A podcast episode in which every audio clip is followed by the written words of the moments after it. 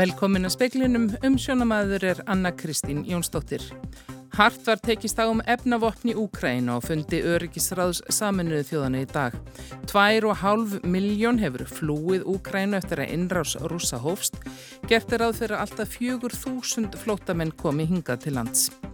Staðan í uppistöðulónum landsvirkjunar er lægri en spáð var í byrjun árs og vassbúskapur með vestamóti. Skerðingar á afhendingu orku verða fram á vor.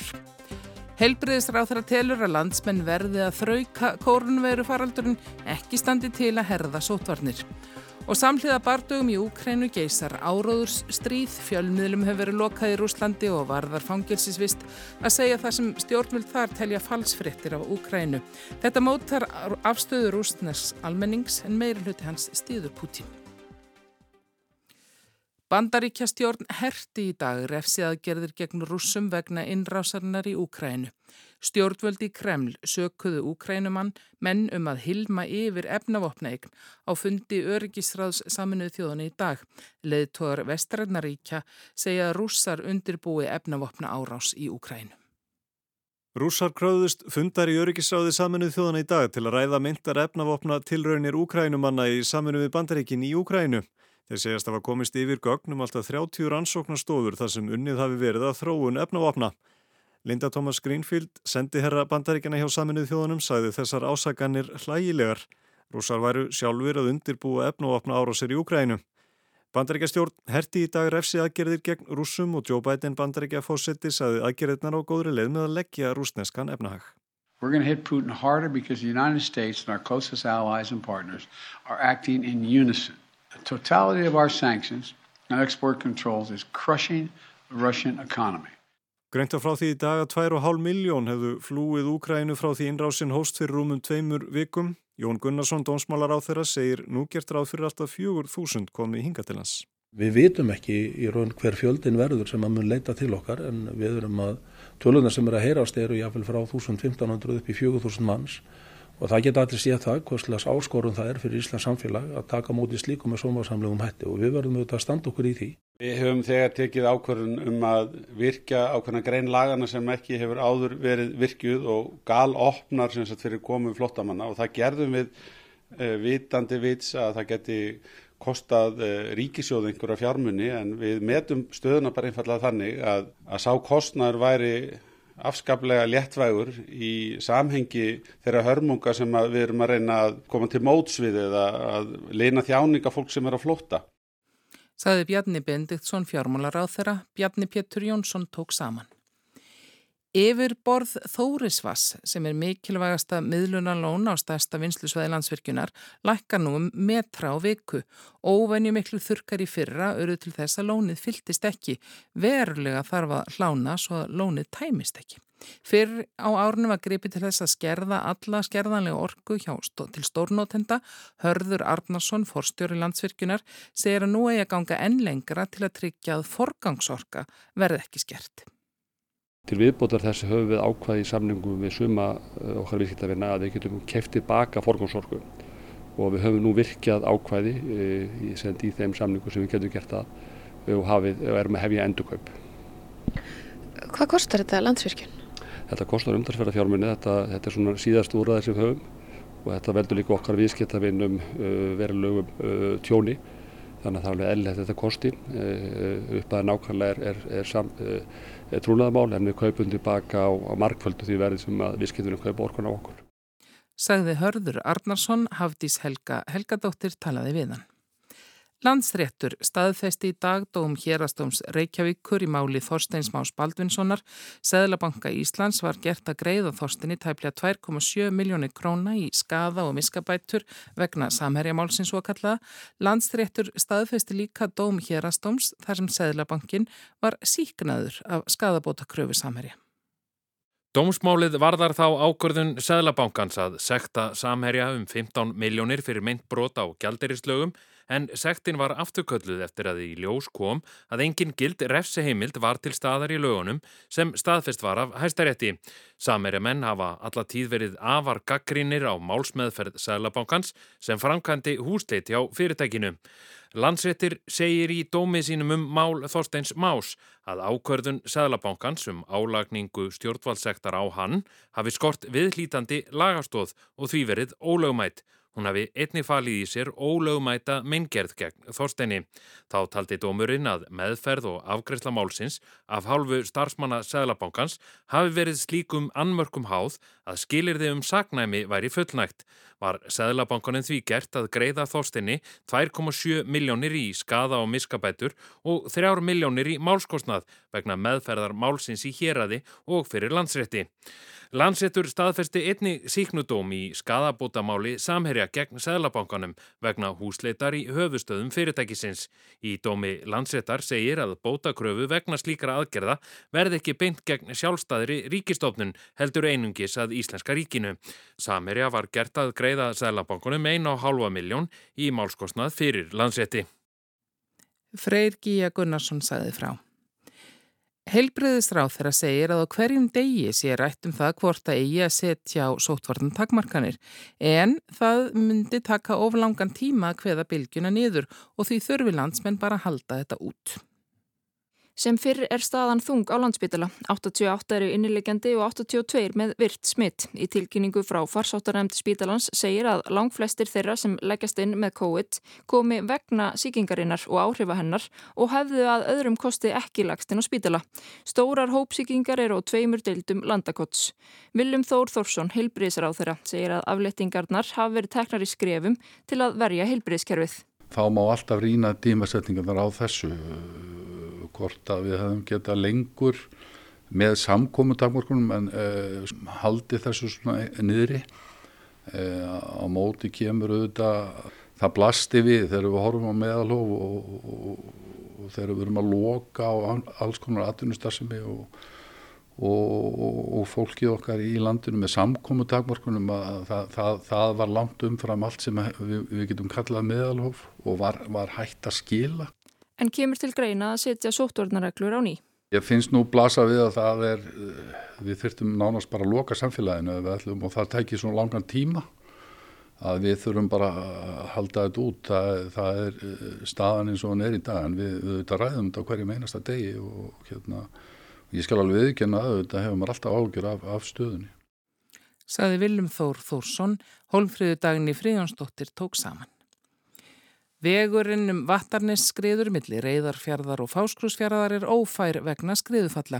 Skriður fjalli á veginn í morgun en tölvört hefur ringt fyrir austan. Gul veðurviðvörn er í gildi á Suðaustur Ístulandi, búist við talsverðri eða mikilli rigningu þanga til í fyrramálið. Það hefur helli ringt austanlands í dag og fletti yfir vegum Fagradal í morgun. Vott snjóflóð fjallur Hallbjarnarstaðatindi í skriðdal á miðvíkudagsmorgun en síðan hafa litlar votar spýjur fallið víðar. Lígindi hafa verið á svæðinu síðustu daga og snjór blotnað og tekið upp. Vegagerðin lokaði veginum um vattarnesskriður vegna skriðu sem fjall á vegin og hættu á grjótrunni. Veðurstofan spáði því að uppsöfnuð úrkoma gæti orðið alltaf 300 mm til fjalla. Mest úrkoma hefur verið á sunnanverðum austfjörðum nærri fórskrúsferði. Á seyðisferði hefur rygningin ekki haft áhrif á stöðurleika í gamla skriðusárinu en mjög náið er fylst með mælutækjum þar. Veðurfræðingur segir að farið sé að draga úrregningu og líklega stitti upp sent í nótt eða í fyrramáli. Ólafur Rún Erlendstóttir sagði frá.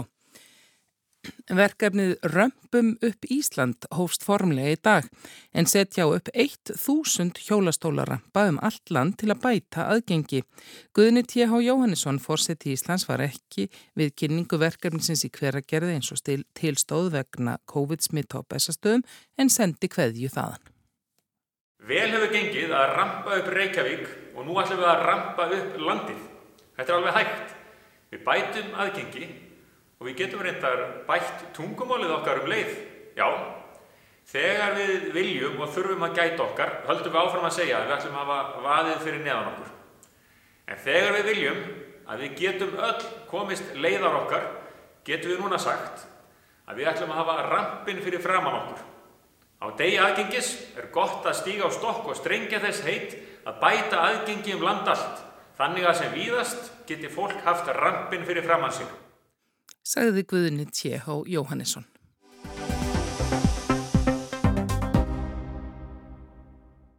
Þó að mörg þúsund rússar hafi verið handteknir í mótmælum gegn stríðsrekstrinum í Úkrænu hefur velþóknun innanlands á Vladimir Putin rúslandsforsetta sjaldan verið meiri. Í speklinum verður rætt við Elvir Gilvadóttur framkvæmdastjóra fjölmiðlanemdar um áróðustríðið sem geysar samhliða vopnaviðskiptum. Ávaksta neysla hefur minkað en neysla á sigkruðum góstrykkjum hefur dreyið saman. Í gær voru kynntar niðurstöður úr landskönnun á mataræði landsmanna þar eru bæði góðar og slæmar fréttir. Þjóðin þarf að borða mun meira af grænmeti og ávöxtum svo að vel sé. Og við byrjum á áráðustrið. Þó að þúsundir rússa hafi verið handteknir í mótmælum þar gegn stríðsrekstri Rúslands í Úkrænu hefur velþoknun rússa á Vladimir Putin forsetta sjaldan verið meiri.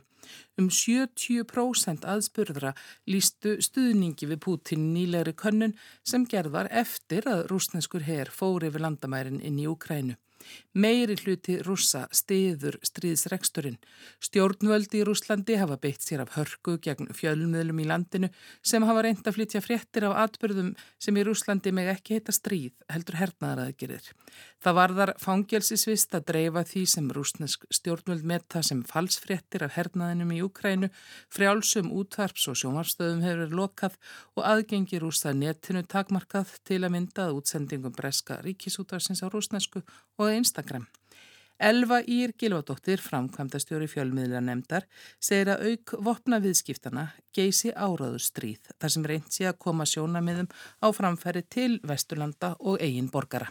En rússar eru kannski að gera þetta með allt öðrum hætti og allt og miklu stærri skala heldur en úkrænumenn og ég held að þessi mjög mikilvægt líka að það komi fram að skilabóðin og það hvernig svona áraðu stríði e, er byggt upp og hvernig því er háttað er mjög mismunandi eftir því til hverja það er að ná. Þannig að það er náttúrulega, e, eru skilabóð og, og svona ákveðin áraður heima fyrir og síðan náttúrulega líka til rúsneska minnirlutan sem eru í nálagum ríkjum einni til Vesturlanda og svo náttúrulega líka til Úkrænu manna sem er þá kannski um svona reyna þeim þróttin um það að Selenski sé flúin eða að hersveiti sé að gefast upp og svo framvegs og, og það er líka mjög mikilvægt að svona fólk átti sig á því að, að með þessari lögjöf og það að vera búin að herða svona gríðarlega mikið á því hvað má segja og að það verða nú hérna, vera ákveðin svona hugtakanótkun í gangi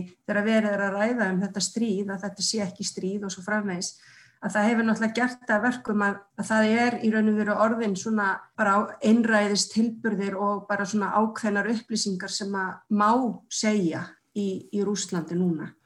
Rústnesk stjórnvöld hafa lengi rekið harðan áráður heimafyrir. Margir sem eru búin að vera að greina þetta og, og benda á það að, að svona bara ákveðin hugtakanótkun er búin að eiga sér stað í rúsneskum fjölminum í mjög langan tíma. Það er nota til dæmis svona ákveði tungurtak eða hugtakanótkun til þess að, að af mennska úkrænumenn með því að tala um að þeir séu nazistar og, og hérna svona ruslarar líður og svo framvegs þannig að, að þessi svona til þess að búa til í raun og veru svona þessa hugmyndum um okkur og hina. Þannig að þetta er náttúrulega búið að eiga sér stað í mörg ár og það er raun og veru kannski bara verið að herða á því núna. En það sem er áhugavert er að, að það eru náttúrulega rússar sem að hafa svona verið að vinna í kannski meiri gaggrinnum fjölmjölum heima fyrir þeir eru núna að fara yfir landamærin til kannski ríkjana þarna í kring og ætla að reyna að halda áfram að miðla svona kannski meiri gaggrinum gaggrinni fjölmjölum.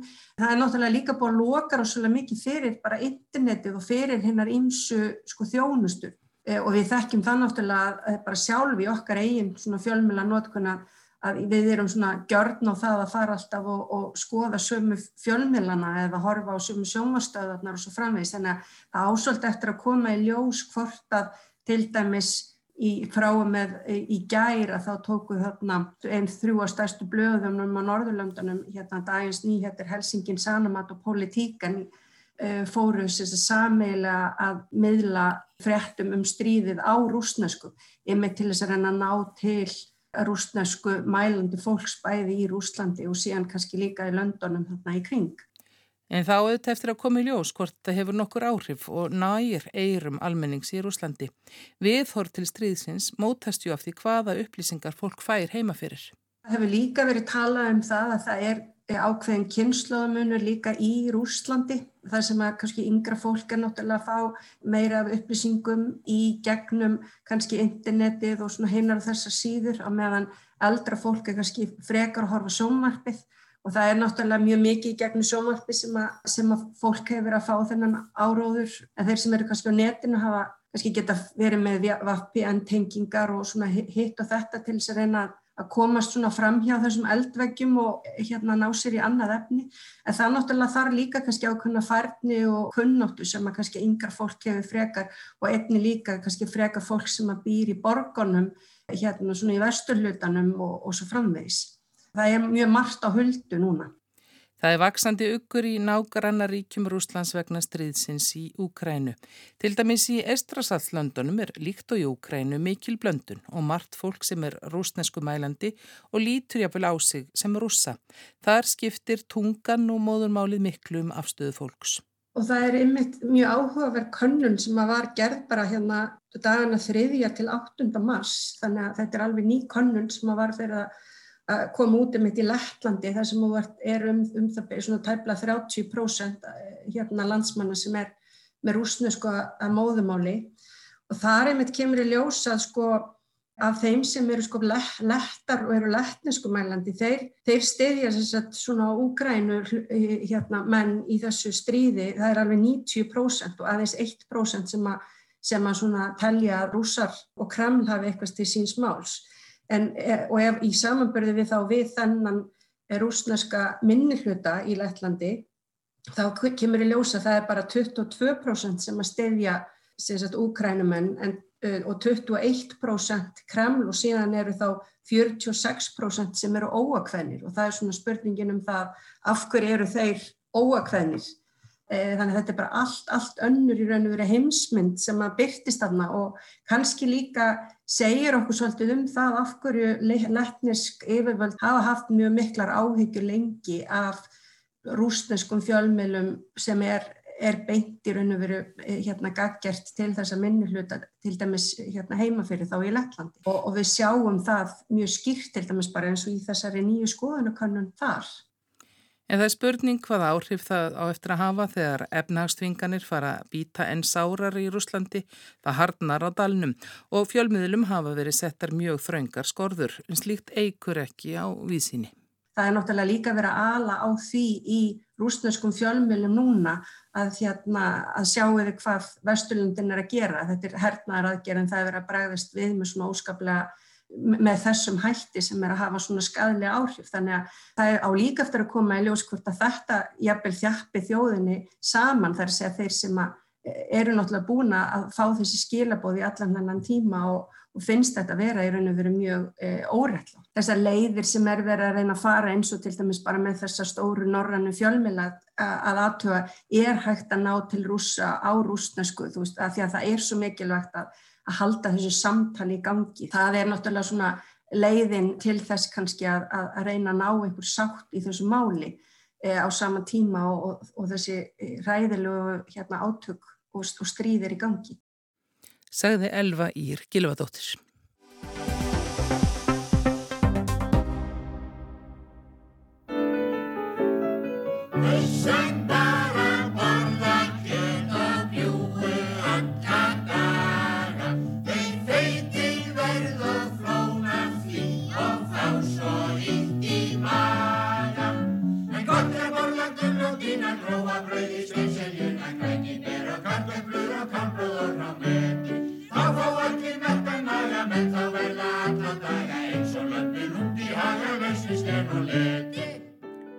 Já, heilræði dýrana í hálsaskógi eru ekki úr lausu lofti grepin.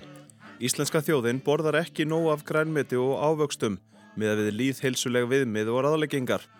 Ávakst af kjöt og mjölkurinnesla hefur dreyist saman seinustu ár og einungist 2% þáttakanda náðu að borða 500 grömm af grænmeti og ávöxtum daglega eins og ráðlagt er.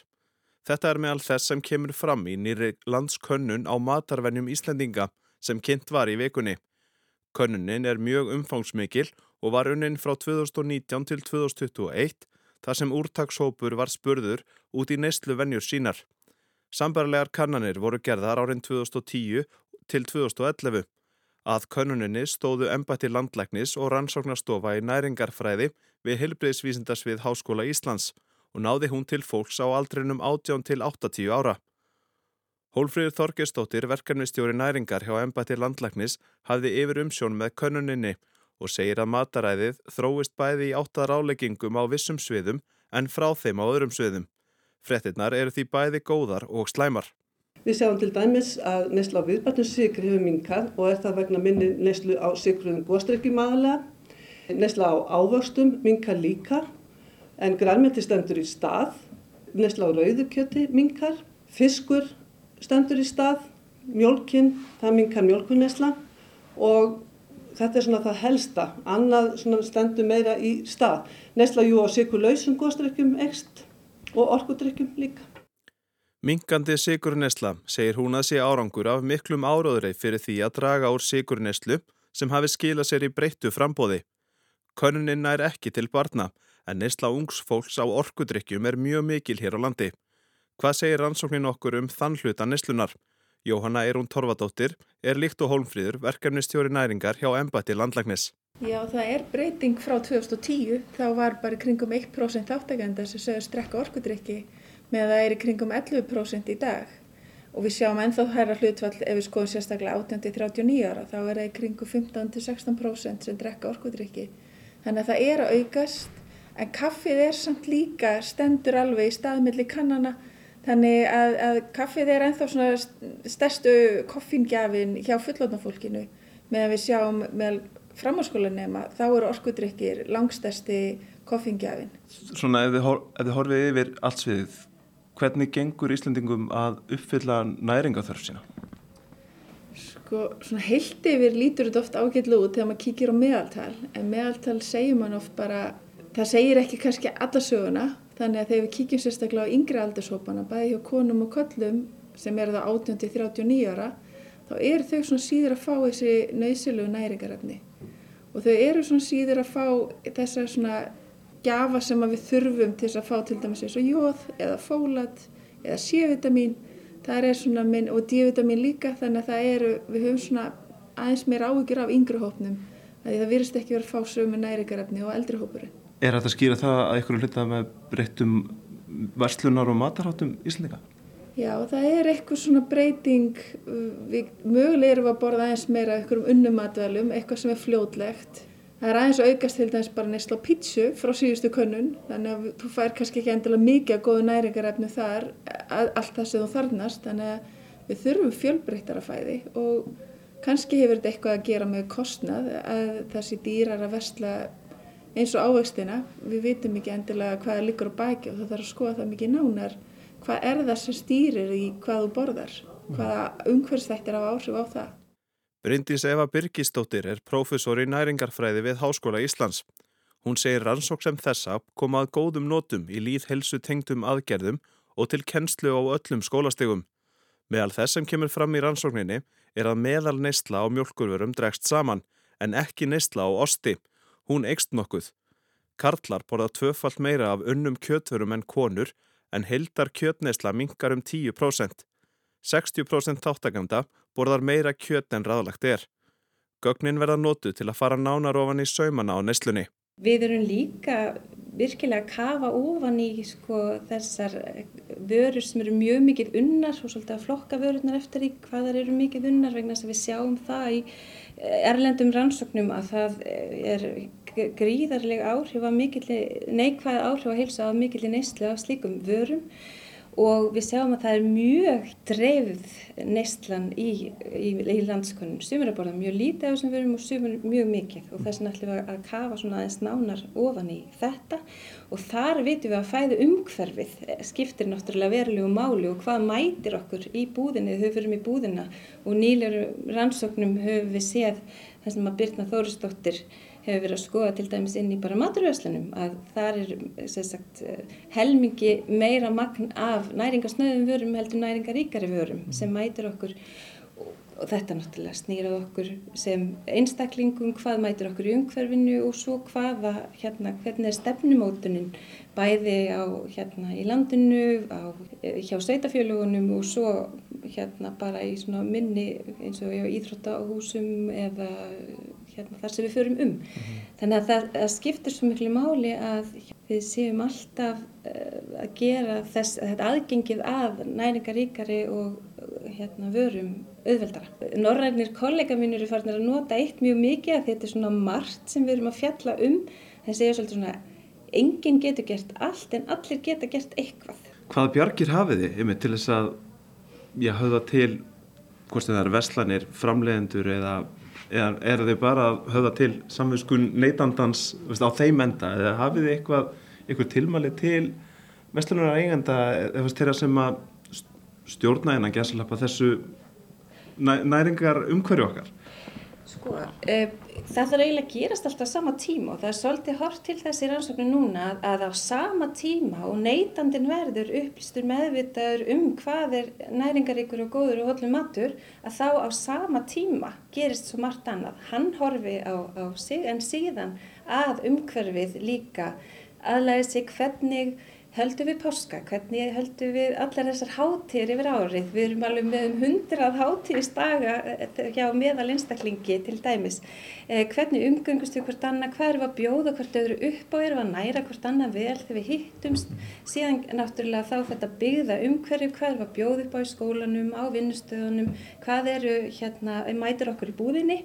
Eh, og svo hefur náttúrulega svona stefnumótandi aðeinar eins og ennbætti landlægnis ef að, og þá kemur náttúrulega aftur upp, alveg upp á hérna, stjórnmála uh, legan status, Hva, hvað, er, hvað eru við tilbúin til að gera uh, og það þurfum við að gera svona svolítið öll saman en á meðan að framlegandin kemur eitthvað hálft en neytandin hefur engin áhuga á því eða auðvögt og neytandin vil gera eitthvað en framlegandin er ekkit að, að, að það er ekki til, ef við öll færum að borða eftir áleggingu þá er það matur bara ekki til í landin í dag. Segir Bryndís Eva. Og svo er það D-vitamínið. D-vitaminnessla þeirra sem ekki taka lísi eða annan D-vitamin gjafa er langt undir ráðlöðum dagskamti. Rúmlega helmingur þáttakanda eða 55% segist taka D-vitamin sem fæðubótarefni reglulega eins og ráðlagt er. Yngsti aldurshópur Karla og Kvenna fær minnst af D-vitamini. Meðalneisla á fólati úr fæðu er undir ráðleggingum, sérstaklega meðal Kvenna.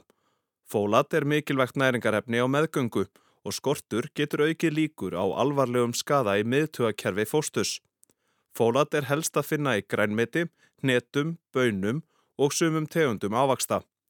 Meðan neistla á C-vitamíni hefur minkað um 23% frá síðustu landskönnun. Um helmingur þáttakenda nær ekki ráðlöðum dagskamti af C-vitamíni úr fæðu sem stafar aðalega af því að dreyið hefur úr neistlu á ávöxtum og berjum. Og hjártneistla minkar frá síðustu könnun og engin kona á barsegnar aldri nær ráðlöðum dagskamti fyrir járn en hann er herri fyrir þann hóp. Járn er helst að finna í kjöti, fiski, bönum, ertum, linsum, tófu og öðrum sojavörum, dökkgrænu grænmeti, hnetum og heilkorna vörum. Þá hefur jóðunisla dreyið saman um 15 meðaltali, aðalega meðal yngri kvenna sem ári ekki til minni neslu á fiski og mjölk. Ég er heldri húsamús, hefi allt sem þarf til bús, maður bæð og bringu kolla, bústing, krof og spergla hotla. Fæ mér bit og bita í senn, bræð gott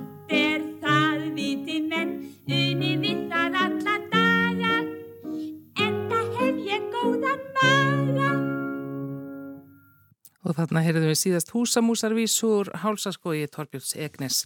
Bjarni Rúnarsson rætti við Holmfríði Þorgersdóttur, Jóhannu Eirúnu Torfadóttur og Bryndísi Efu Birgisdóttur. En veður horfur á landinu til miðnættis annað kvöld, það verður sunnan kaldi eða strekkingur á morgun og jél en léttir til á norðaustur og austurlandi og veður fer kólnandi. Gul veðurviðvörun gildir til morguns á austur og söðusturlandi vegna regninga. Það var helst í fréttum að hart var tekist á um efnavopn í Úkrænu á fundi öryggisráðs saminuðu þjóðana. Tvær og hálf miljón manna hefur flúið Úkrænu eftir að innrás rúsa hófst, gert er að fyrir alltaf fjögur þúsund flottamenn þaðan getur komið hinga til lands. Staðan í uppistöðulónum landsvirkjunar er lægri en spáðvar í byrjun árs og vassbúskapur með versta móti. Skerðingar verða fram á voru og afhendingu orgu. Helbriðisráð þeirra telur landsmenn verði að þrauka verufaraldurinn en ekki standi til að herða sótvarnir. Fleir er ekki í speklinum þessa vikuna. Tæknimaður í útsendingu var Mark Eldrett veriði sæl.